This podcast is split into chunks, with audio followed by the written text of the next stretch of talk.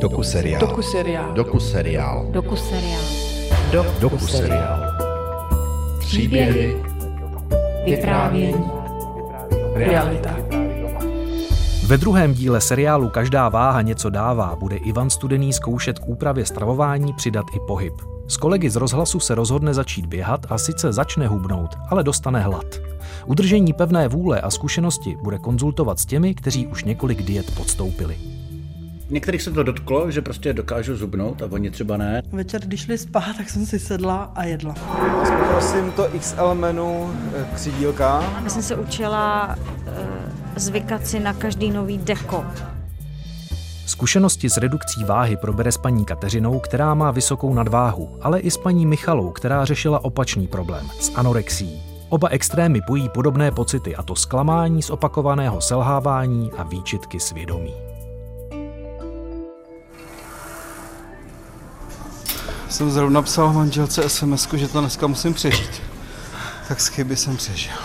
Tady vedle je klinika pro obézní lidi, OB klinika, že jakoby oni občas chodí tady jako na oběd, prostě tam a zpátky, tak to je taková jako hezká motivace vidět jako lidi, jak to může dopadnout prostě. Já myslel, že chodí sem, nejenom za oknem. No, bohužel jsem moc nechodí tady upřímně, jako myslím si, že to byl jako plán mít fitko hnedka vedle OB kliniky, ale nemyslím si, že to úplně že to je zmonetizovaný správně, no. Občas jsou ty lidi tady fakt jako morbidně obézní, ty, co tady procházejí, jako nikomu se jako samozřejmě neposmívám nebo tak, ale je to zastrašující případ, že většinou jsem rád, že vypadám tak, jak vypadám, i když se se sebou jako nespokojený, tak aspoň tohle je motivace prostě neposunout to ještě dál a nebejt na tom ještě hůř, no.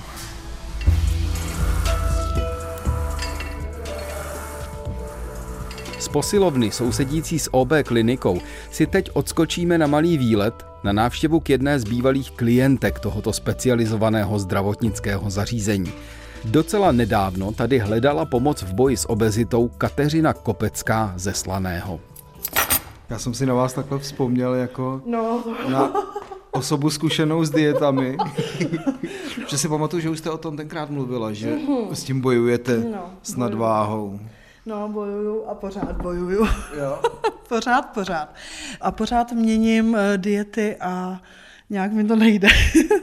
No jenom když se tady podívám na stoleček, tak to není úplně ideální. Energetický nápoj, bílej cukr, koláčky, křupky, chlebíčky a to není vaše všechno. ne, ne, ne, není, ale koupila jsem to, je to pravda. Pro ostatní, tak. Ano, teď teda mám zase eh, rozjednanou dietu, jdu tam 4. března. Je to nějaká společnost Svět zdraví, myslím, že se to jmenuje. Takže další pokus.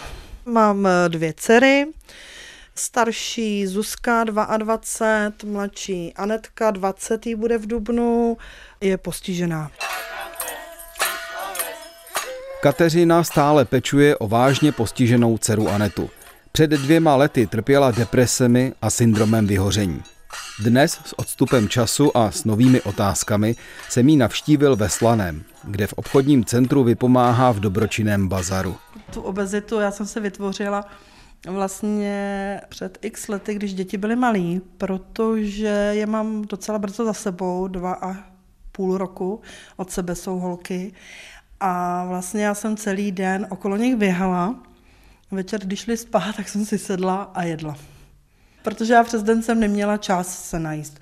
Byli jsme venku, koupání, že jo, nebo prostě hraní, eh, praní, vaření a večer, když teda děti šly spát, tak já zase jsem zasedla k jídlu.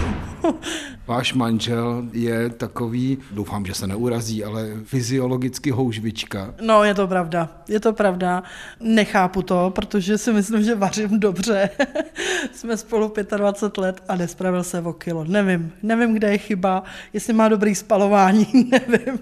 Přitom, eh, kdybyste ho znal, tak jako on sní čokolády, voříšky, eh, prostě takový kalorický jídla, to nesním ani já a není to na něm vidět. No a kdy jste začala zatahovat záchranou brzdu, kdy jste si všimla, že, že je to pro vás problém, nebo kdy jste to začala vnímat jako problém, kdy vám ty kila navíc začaly vadit? Já bych řekla, že tak deset let zpátky. To jsem začala tak nějak jako přemýšlet, že bych mohla zhubnout, ale to byly takové nárazovky, opravdu třeba jenom dva dny jsem to vydržela, pak už jsem to nechtěla. Těch deset let zpátky bych řekla, že jsem přemýšlela, abych se líbila, abych zhubla A pět let zpátky už jsem zjistila, že to je zdravotně teda hodně špatný, takže to mi jakoby donutilo se sebou něco dělat, ale zatím se mi to nedaří, protože takhle, eh, eh, bylo období, kdy jsem teda chodila do nějaký té dietní poradny, kde jsem teda zhubla přes 20 kilo, ale prostě tam jsem nedodělala takový to závěrečný kolečko, aby tam nebyl ten jojo efekt a já jsem znova ho nabrala. V lékárně jsem si koupila takový ty čaje na hubnutí. Pak jsem chodila i k paní doktorce a to vím, že se tomu říkalo zlatý vajíčka, to už dneska nejsou. Nevím, jak se to jinak jmenoval ten prášek. Tam jsem teda šla rapidně dolů po nich, to teda za týden třeba i 6-7 kilo, ale tam byl teda veliký jojo efekt. Takže já teda jsem zhubla třeba za měsíc hodně, ale ono se mi to dvakrát vrátilo. A vím, že už ty zlatý vajíčka nejsou. No. Říkalo se tomu zlatý vajíčko, ono to tak jako vypadalo, takový malinký. To bylo na předpis a ještě se doplácalo. Zlatá vejce. Tlumí nadměrnou chuť k jídlu, usnadňují udržování dietních omezení a pokles tělesné hmotnosti. Léčivá látka fentermin se postupně v těle uvolňuje a má za následek nepřerušovaný anorektický účinek trvající nejméně 8 hodin. Zlatá vejce. Přípravek může působit závratě, bolesti hlavy, nespavost, nervozitu, popudlivost, sucho v ústech, poruchy chuti, zvracení, zácpu nebo průjem. Dále se mohou objevit bolesti na hrudi, poruchy sexuálních funkcí, poruchy močení a ojedinělé kožní vyrážky. Při užívání delším než tři měsíce je možný vznik srdečních onemocnění a lékové závislosti. Zlatá vejce.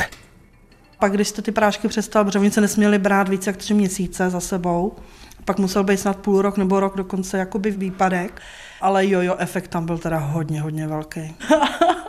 a prostě to se nabralo okamžitě, že jo. Protože tam eh, zase nebyla ta správná, ta dieta. Velký tlak, který na sebe člověk vytváří a přehnaně urputná snaha o hubnutí může člověka dohnat téměř na pokraj sebezničení. To je zkušenost spisovatelky Michaly Jendruchové. A tam už jsem cítila třeba, že mě vynechává srdce, ale tam už jsem v té dospělosti si jasně uvědomovala, že tohle nechci, že chci žít a že se z toho chci dostat. A vím, že před sebou mám ještě spoustu práce, ale to rozhodnutí tam pořád je. Dobrý den. Myslel jsem si, že natáčení doku seriálu o dietách a hubnutí půjde snadno. Prostě se trochu omezím v jídle, dám si pauzu od alkoholu, přidám nějaký ten pohyb a bude to. Jenže brzo se celé to moje snažení začalo nějak zadrhávat. Nechápu, jak může někdo vydržet nejíst. Já mám hlad. Od včerejška v práci. Stříhám doku seriál o tom, jak hubnu a přitom mám hlad. Naposledy jsem snídal dva chlebíčky se šunkou, v noci jsem málo spal, mám moc práce a mám hlad. Poprosím to XL menu eh, křidílka. Je jasné, že uprostřed noci nic zdravého neseženu, ale je mi to teď jedno. Je mi to fuk. Hubnout se bude zase zítra. Člověk, který se přejí nezdravého jídla, má dvě možnosti, tedy podle mojí vlastní zkušenosti. Buď se dostaví žlučníkový záchvat, který žaludek donutí tu mastnotu vyhodit, nebo je možné nečekat na žlučník a strčit si prst do krku.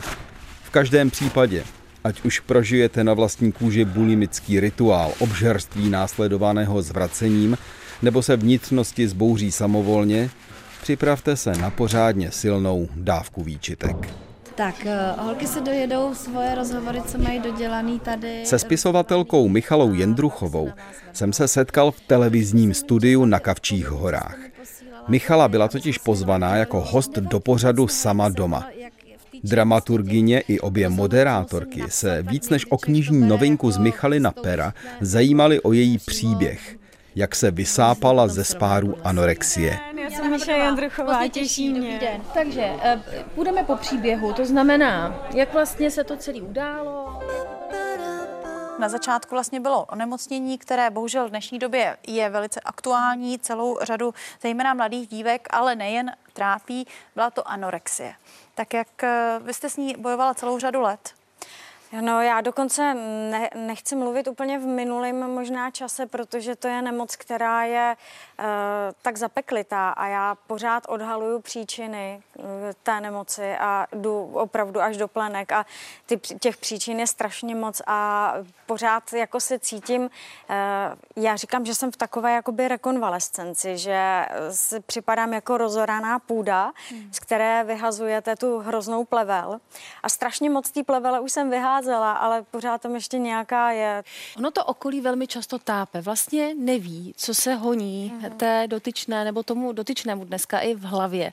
A ve snaze pomoci to ještě můžou zhoršit. Jaké jsou takové ty věty, které vlastně bychom neměli říkat, pokud jsme v Eh, ve společnosti člověka, který má toto onemocnění. Vy jste to řekla úplně přesně, protože mě třeba píšou i maminky nemocných eh, dívek, že konečně díky té knižce pochopili, co se jejich dceři děje v hlavě. Hmm. Protože ten nemocný o tom ještě buď se stydí o tom mluvit, anebo třeba sám v tom tápe, není, není schopen o tom hovořit.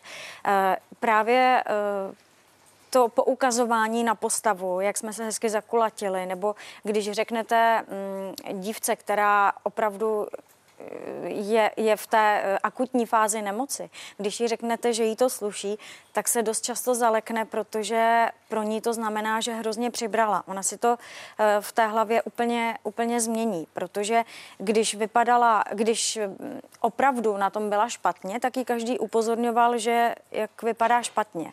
A najednou, když jí řeknete, že jí to sluší, tak ona si řekne, aha, tak teď už teda nevypadám špatně, teď už tady asi vypadám jako podle nich dobře, hmm. ale asi jsem tlustá. No já vlastně se chci zeptat, jestli existuje nějaký bod, kdy člověk z normálního bezpečného hubnutí nebo udržování si linie se změní v člověka, který si začne ubližovat, anebo se nějak dostane do toho nebezpečí. Je to jeden bod, nebo se to děje plíživě, nebo to vzniká už někdy v dětství? Já si myslím, že tam je strašně nebezpečný, že ten bod se kolikrát nedá ani jakoby určit. Že to jde opravdu strašně plíživě a když ten bod přehoupnete, tak vlastně to jde samospádem a člověk ani neví jak. A pak už je pozdě si toho všimnout, že ta hranice může být hrozně citlivá. Doufám, že se nemůže stát, že někdo začne hubnout, protože má 10 kg nadváhu a skončí jako člověk, co trpí anorexí. Já si myslím, že se to stát může. Může. Já si myslím, že se to stát úplně klidně může a že opravdu záleží na mnoha okolnostech. Záleží, proč chce hubnout, jestli zrovna prožívá třeba nějaká traumata, jestli ho k tomu donutil partner, jestli hubne pro partnera, pak se to může opravdu rozjet. To je špatně hubnout pro partnera. No, pokud na něj tlačí nepřiměřeně třeba. Já si myslím, že člověk by měl hlavně být spokojený sám v sobě a dělat to pro sebe a ne, že já budu hubnout kvůli tomu, že mě partner eh, tady říká, jak, jak jsem hnusná. Takhle jsem to myslela.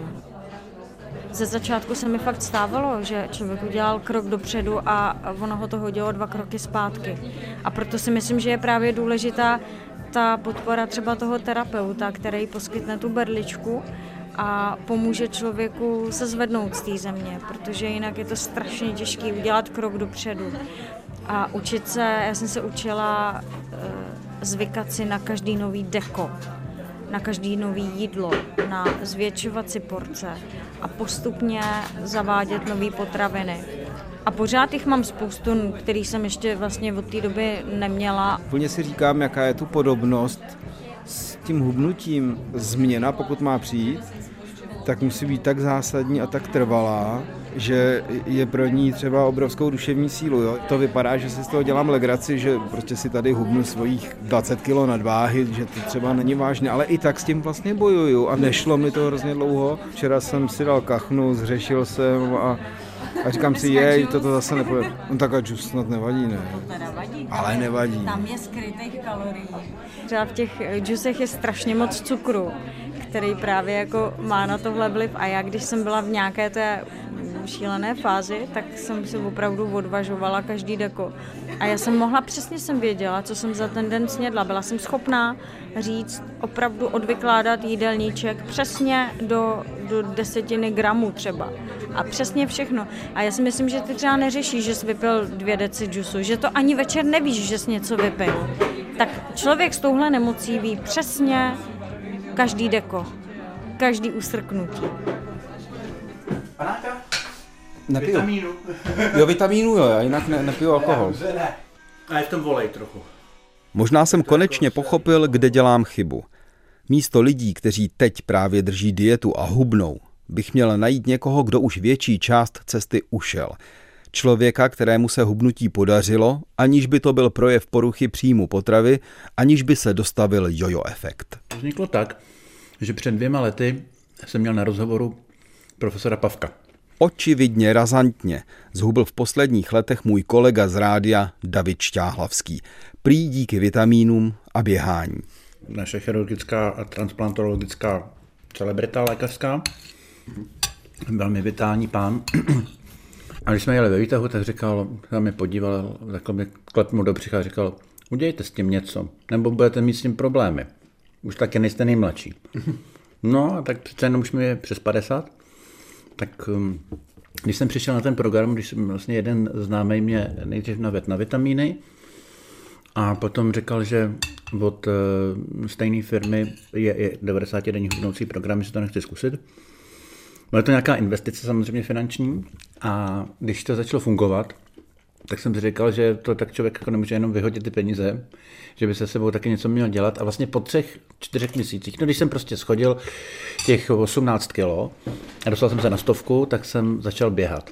A vlastně mě ještě k tomu postrčila moje teta, která nevěřila, že to vydržíme, že budu že zhubnu a říkala, pff, stejně to bys musel ještě u toho běhat a to nebudeš. Tak jsem začal běhat jako na truc a Nejdřív jsem běhal v manžestrákách, aby se náhodou někdo nemyslel, že to je běh, protože to nebyl, to jsem vždycky popoběh, pak jsem se popošel a tak. No a pak jsem se koupil normálně ty elastáky a bundu a tak. Začal jsem běhat a fakt jako mi to bavilo. A zjistil jsem, že jsem schodil dalších 10 kg, takže jsem na 90. Přestal jsem brát všechny léky na tlak. Jo. To teda jsem ještě doktorům neřekl zatím, ale přestal jsem jim brát. Můžu si trošku Víš, přidej si to, víš, jo. jo. No a... No a jaké byly reakce okolí? Různý, no. Některý lidi se mi ptali, jestli jsem nemocný. Hmm, někteří se mě ptali, jestli jsem nemocný, jako že by mi to přáli docela. Některých se to dotklo, že prostě dokážu zubnout a oni třeba ne, nebo že by chtěli. Tak jako závist taková zatím byla. A to vždycky se projevilo v tom, no ale to je ten jojo efekt, to známe, to zase nabereš. Tak jak... o někom, komu by ty si byl motivací? Vím, vím. Jo? Tři lidi minimálně.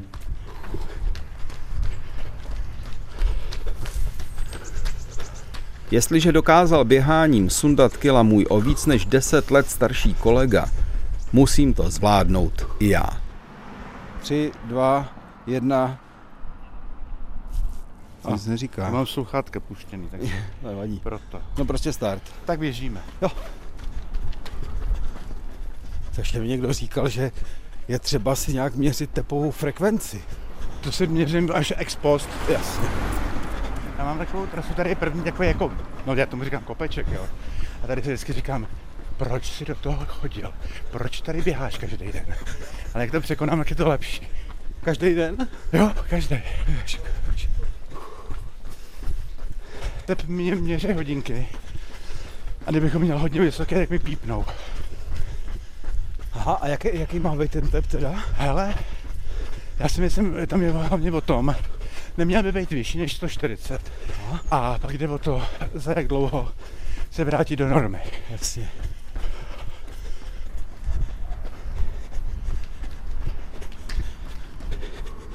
Ty děláš takové takový úsporný kroky? Jo. To taky jsem někde četl, že je správně. Musím okoukat techniku. To já nevím, to je, hlavně má být člověk rovně. Jo. To je, jako, to je první. Mě pak potom taky bolely lopatky vzadu, jo, takže to člověk rychle pozná. Time 39 minutes. Three pausing workout. Resuming workout. Co to říká? Workout completed. Time 39 minutes. 7 seconds. Distance 5 kilometers. Pět kilometrů, to je to, co běhám minimálně denně. A někdy běhám víc, když mám čas, tak třeba 10, ale to musí být hezky teplo. Dneska je sluníčko, takže to docela jde. No a gratuluju ti, protože jsi mě vytáhl na 7,49. To je jeden kilometr za 7 minut a 49 vteřin. To bych řekl, že je skoro můj rekord. Studený Ivan? Ivan, ano. Celý doku seriál končí na náměstí v Českých Budějovicích. Na trati závodu Grand David, já bych se převlík a hodil to, hodil si to do té úschovny, ty baťohy a to. Asi ne. Mým vyzývatelem na desetikilometrovém okruhu je kolega dramaturg David Hertl. Tak asi do tojky, ne, se budeme převlík. Když se narodili děti a začalo lítání kolem dětí a do toho práce, tak eh, začalo taky tloustnutí, neskutečný tloustnutí. A co si budeme povídat, to naše povolání nebo ta naše práce eh, je taková, že jasně, někam jdeš, tam natáčíš, ale pak sedíš, stříháš to, jedeš tam autem, sedíš, eh, potom, já nevím, seš, připravuješ se na to, pročítáš si něco, sedíš, a to množství toho pohybu vlastně pořád se zmenšuje. No a to je zákon o zachování energie. Prostě moc toho do sebe dáváš a míň a míň toho vydáváš. Prostě je to tak, že najednou zvětšuješ kalhoty, pak zjistíš, že XXL je to tak ta tvoje velikost. No a pak nějaký jako zlomový okamžik, že si řekneš, že takhle ne, že to prostě nejde, že to nechceš. A to bylo v létě 2008, dokonce si přesně vzpomínám, kdy 13. června 2008. Mně už to bylo fakt trapný a já vím, že když jsem jako našel odvahu si stoupnout na váhu, tak tam bylo 106 nebo 107. No a měřím 189, myslím, nebo tak nějak. A tak jsem si jako říkal, že, že to nechci takhle tak jsem začal jako hodně ubírat to maso, začal jsem hodně jíst eh, saláty a do toho jsem začal jezdit na kole a do toho jsem začal plavat ještě taky jednou týdně jsem chodil. To není moc, jednou týdně, jako když hodinu plaveš, to je legrace, ale pro mě to byl aspoň nějaký pohyb. A to kolo myslím, že mi dalo nejvíc. Asi to není úplně zdravý, protože když jsem potom si o tom povídal s lidma, kteří se tomu hubnutí věnují, tak říkají, že to jako není, nebylo fajn, ale do Vánoc 2008 to znamená za nějakých 6 měsíců do půl roku. No. Jsem to jakoby snížil na těch 82, 3, 4. Ono se to různě hejbalo, jakoby, no, 85 třeba taky. Víc než 20 kilo dole. Za půl roku. No, no. Za půl roku. No, no. Ten sportovní výkon, ten dosažený čas na té trati, to pro tebe není žádná motivace, nebo to pro tebe nic neznamená? Já jsem si to nikdy neměřil, já jako nemám ty elektronické hračičky, nejsem volepený těma senzorama, takže vůbec nevím, jako jaký mám tepy, teplotu, rychlost, vůbec to nevím. Dívám se na hodinky, když vybíjám z baráku a podívám se, v kolik jsem přiběh, takže tak jako bajočko dokážu odhadnout, jak rychle jsem to běžel pro mě bylo důležité, že to dokážu, že se dokážu přemoct, že dokážu si nastavit ten řád, že každý ráno vstanu a běžím. A to pro mě bylo opravdu jako hodně důležitý. To, tohle bylo důležitý. Budeme hledat start, ne? Já vůbec netuším, kde to je. 12.15, máme ještě půl hodiny. No, ale kde? Rozumíš, tady jsou stánky všude samý a... A on startoval nějaký běh před chvílí, že jo, ale tak je ten kratší. Ale tamhle je taková nafukovací brána, tam to bude. To bude ono. Tamhle ta modrá. No, tam je jich několik za sebou, to bude ono. Já už to nechci dlouho zdržovat, ale ještě chviličku to potrvá, protože my to odstartujeme od desítky. 10, 9, 8, 7, 6, 5, 4, 3, 2, 1, Dneska ten čas, když jsme nějaký zaběhli, já jsem pochopitelně pak se otáčel, pochopil jsem, že ještě spousta lidí dobíhá za náma že to asi úplně špatný čas nebyl, no samozřejmě jako na žádných stupních stát nebudeme, to je celkem jasný. A je to jako dobrý pocit, že to asi není tak úplně špatný. A to mi stačí úplně. Myslíš, že se ti povedlo ve vztahu k hubnutí, k udržování životosprávy udělat ve svém životě trvalou změnu? Že to máš na furt a už se nevrátíš k tomu, aby ty kila šly znova nahoru. Já nad tím často přemýšlím. Samozřejmě, že si uvědomuju, když pak eh, se na Vánoce sejdeme u rodičů a eh, ochutnám, jako tamhle si zobnu a tamhle trochu si něčeho dám, tak si říkám, to spaní jídla do hlavy se pro tebe prostě nemůže stát nějakým cílem něčeho. Zatím se mi to těch šest let daří.